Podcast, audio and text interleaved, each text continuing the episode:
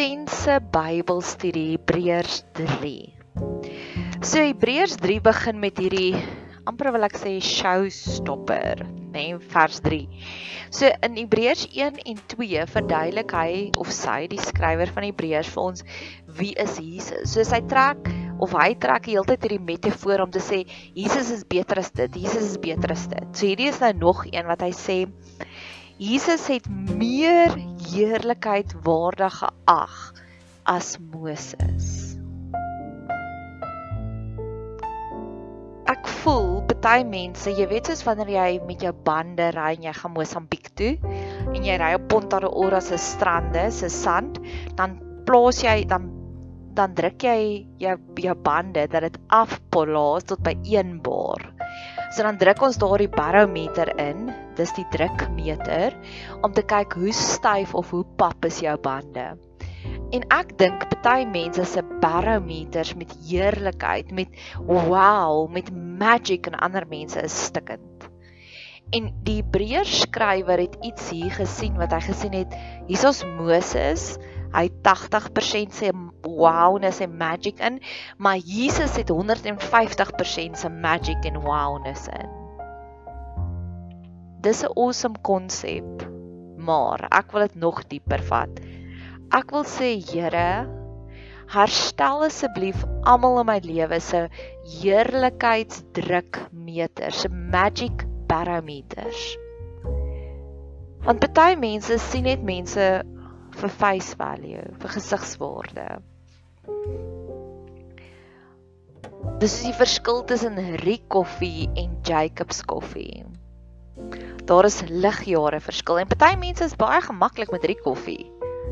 En ander mense sê nee, dankie, ons drink net Jacobs koffie. En ek wil graag hê en ek bid dit al vir jare is om te sê Here, herstel die mense rondom my se barometer dat hulle kan besef sekere mense is net next level. Sekere mense het net wysheid. Sekere mense het nie oordeel nie. Sekere mense het net genade wat hulle uitgee. So vir jare lank sit ek al by hierdie stukkie vas en sê Here, herstel net almal se barometer. Ek het in die week die wonderlike voorreg gehad om pasta barra te eet. Dit is 'n organisasie wat hier in Centurion is wat wat probeer om vir jou hierdie boks te gee met die beste van gehalte van pasta, dat jy hierdie restaurantwaarde van pasta kan kook by jou huis. Daai pasta is ligjare beter as 'n sakkies fatties en monies wat jy met 'n knor soppie sakkie kaassous meng.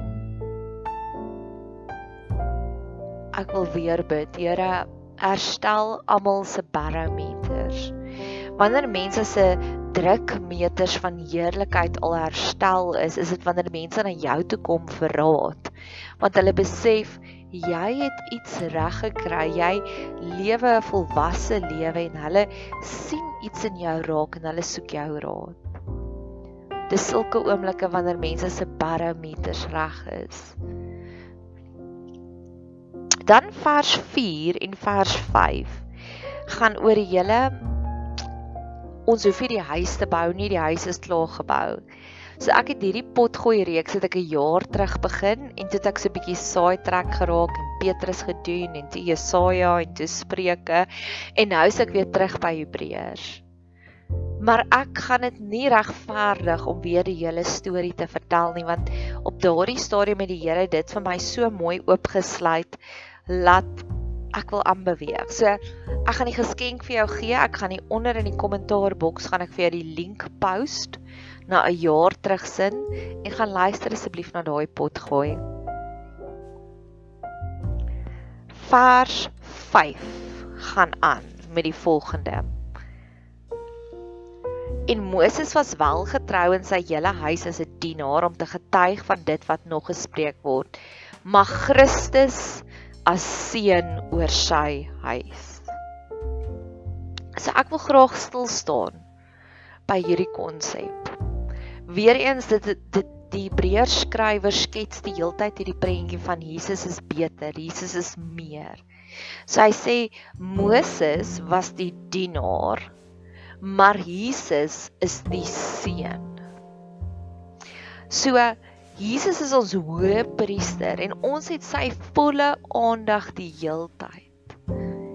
Jy weet as jy 'n probleem het met ietsiekie en sê nou jy moet deur die call centers gaan. Dis moeilik. Dis frustrerend. Dan kry jy een of ander ticket wat gelog is. In vergelyking met as jy die CEO se selfoonnommer het en sê weet jy wat, ek het hierdie probleempie, kan jy my asseblief help? En dis wat die Hebreërs skrywer hier vir ons probeer skets het om te sê jy werk nie nou meer deur die call center nie. Jy het nou die CEO se selfoonnommer, se persoonlike selfoonnommer. So as jy 'n probleem het, kan jy direk na die CEO toe gaan. Ek het terwyl ek Hebreërs opgeswat het, het ek 'n journal inskrywing gemaak en dit maak my hart baie seer wat ek keer op keer vir die Here vra. Here, as ons al hierdie wonderlike voorregte het van ons het die CEO se nommer, ons het 'n hoë priester wat vir ons bid. Ons het die Heilige Gees wat ons leer hoe om te bid. Jesus is ons genadigde hoë priester. Hy gee net vir ons mercy. Hy help ons in versoekings.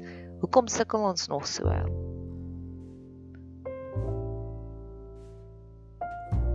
Dis iets wat ek regtig vir voor die Here se voete wil gaan neersit want hoe meer ek Hebreërs opspat, hoe meer besef ek wow, ons het al hierdie fantastiese bestanddele om hierdie wonderlike perfekte lewe te lewe. Hoekom sukkel ons nog so? Ons het die CEO van al die CEO's se nommer. Hoekom help dit nie as ek bid vir Eskom krag nie, byvoorbeeld? So dis iets om dan te dink. Dalk is dit omdat ons te min bid. Dalk is dit omdat ons te min raak sien wat het ons eintlik? So daar is ons my rand en dryf. So een het ons gesels oor die barometer, die die drukmeter om te sê um mag God dit herstel in almal se lewens sodat ons ook ander se wowness kan raak sien. En die tweede konsep wat ons hier gesels het is ons het die seun van die huis. Moses was net die dienaar, hy was net die call center. Maar ons het nou vir Jesus aan ons kant wat die CEO is.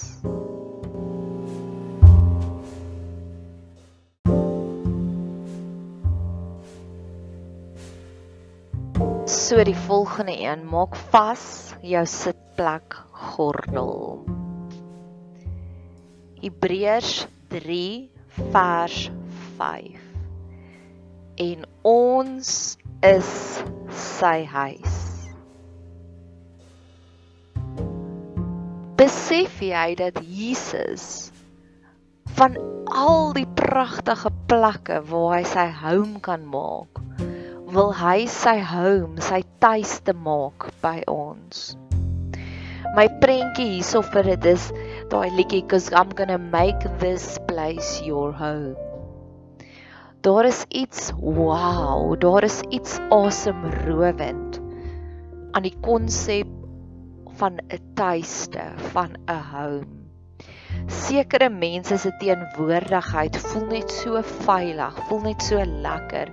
Dit voel asof dit waarna jou siel die heeltyd gesoek het, is alles opgevang, vasgevang, opgeslurp in hierdie persoon se teenwoordigheid. Daar is sekere mense by wie ek net voel, ag, oh, ek kan net hier ontspan. Hier kan ek net myself wees. En Jesus wil ons sy tuiste maak. Hierdie is amper gebed wat ek elke dag oor en oor wil maak is Jesus vorm my en maak my sodat ek u tuiste kan wees. Ek wil hê u moet veilig voel by my. Wat gebeur wanneer Jesus ons sy tuiste maak? My katedraalsvriend het in die pandemie uit gewoonlik baie gereis. Het hy nou omdat hy nie meer kan reis nie, het hy al hierdie opknappings, renovasiewerke by sy huis aan die gang. Hy's besig om 'n groot fire pit te bou langs sy swembad. En die hoeveelheid deurdenkte gedagtes wat in daardie fire pit ingaan van die pizza oond met die mosaïek bo op van die presiese teels. Ons het na 50 verskillende teelwinkels toe gery. Net om sy huis mooier en lekkerder te maak. En ek glo die oomblik wat ons begin bid, Here, maak my u tuiste. Kom Jesus in en hy begin ons te verar, ver, verander, te mooier te maak, meer appealing te maak. En dis wat ek graag wil hê. Here, vorm my en maak my sodat ek u tuiste kan wees.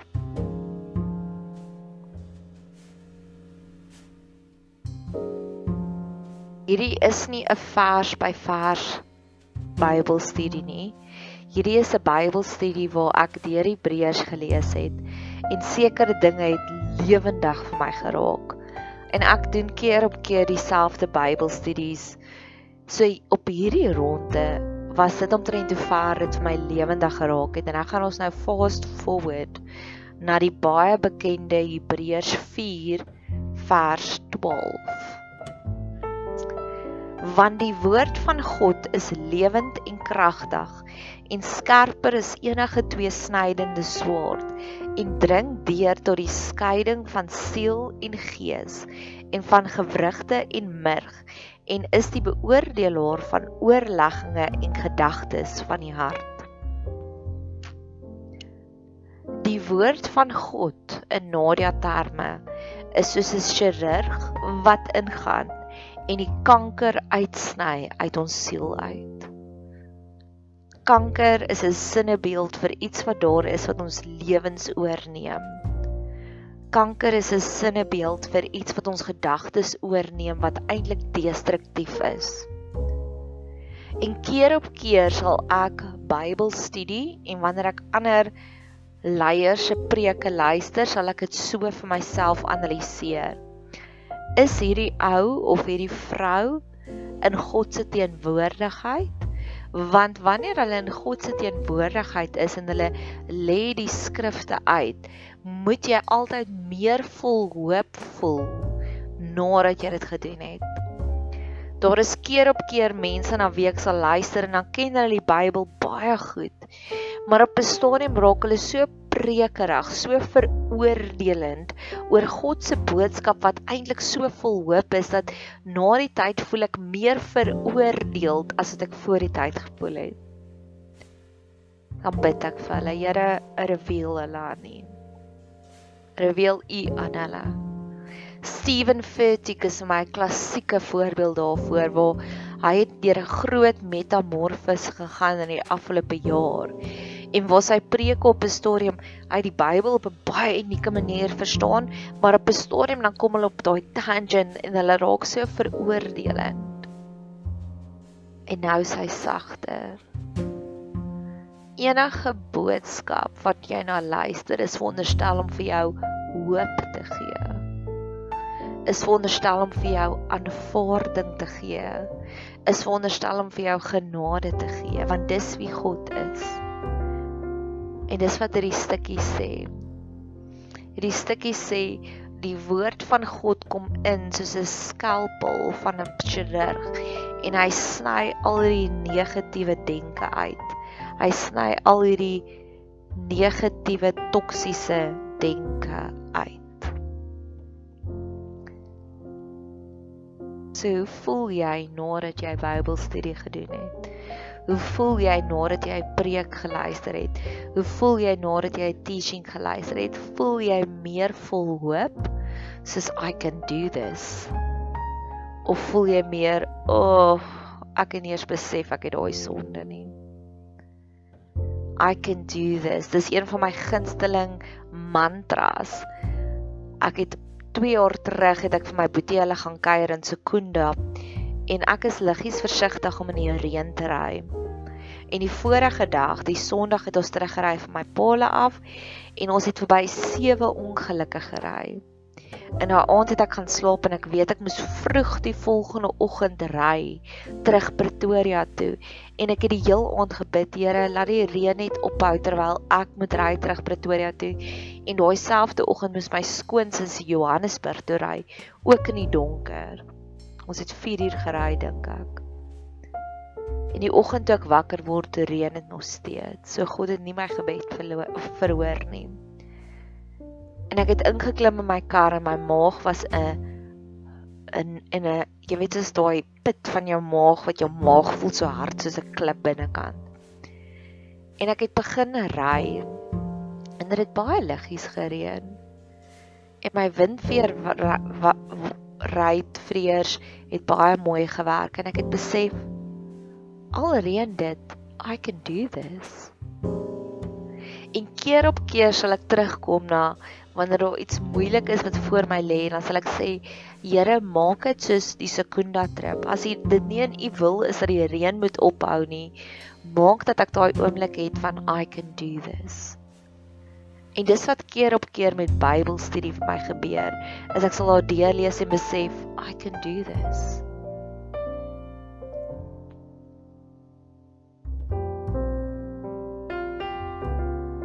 So ek dink vir nou, nou gaan ek lekker rondspring. Want ek wil hom nie te lank maak nie. Ek dink vir nou is dit die einde van hierdie potgooi. Ons het gesels oor die drukmeters van heerlikheid, van wowness. Ons het gesels oor ons het die CEO se nommer. Ons gaan nie meer deur 'n call center nie. Ons het gesels van Jesus wat ons sy tuiste wil maak en ons het gesels oor die woord van God wat soos 'n chirurg se skalpel inkom en al die toksiese gaga kanker uit ons uitsny. Mag jy 'n geseënde dag hê verder.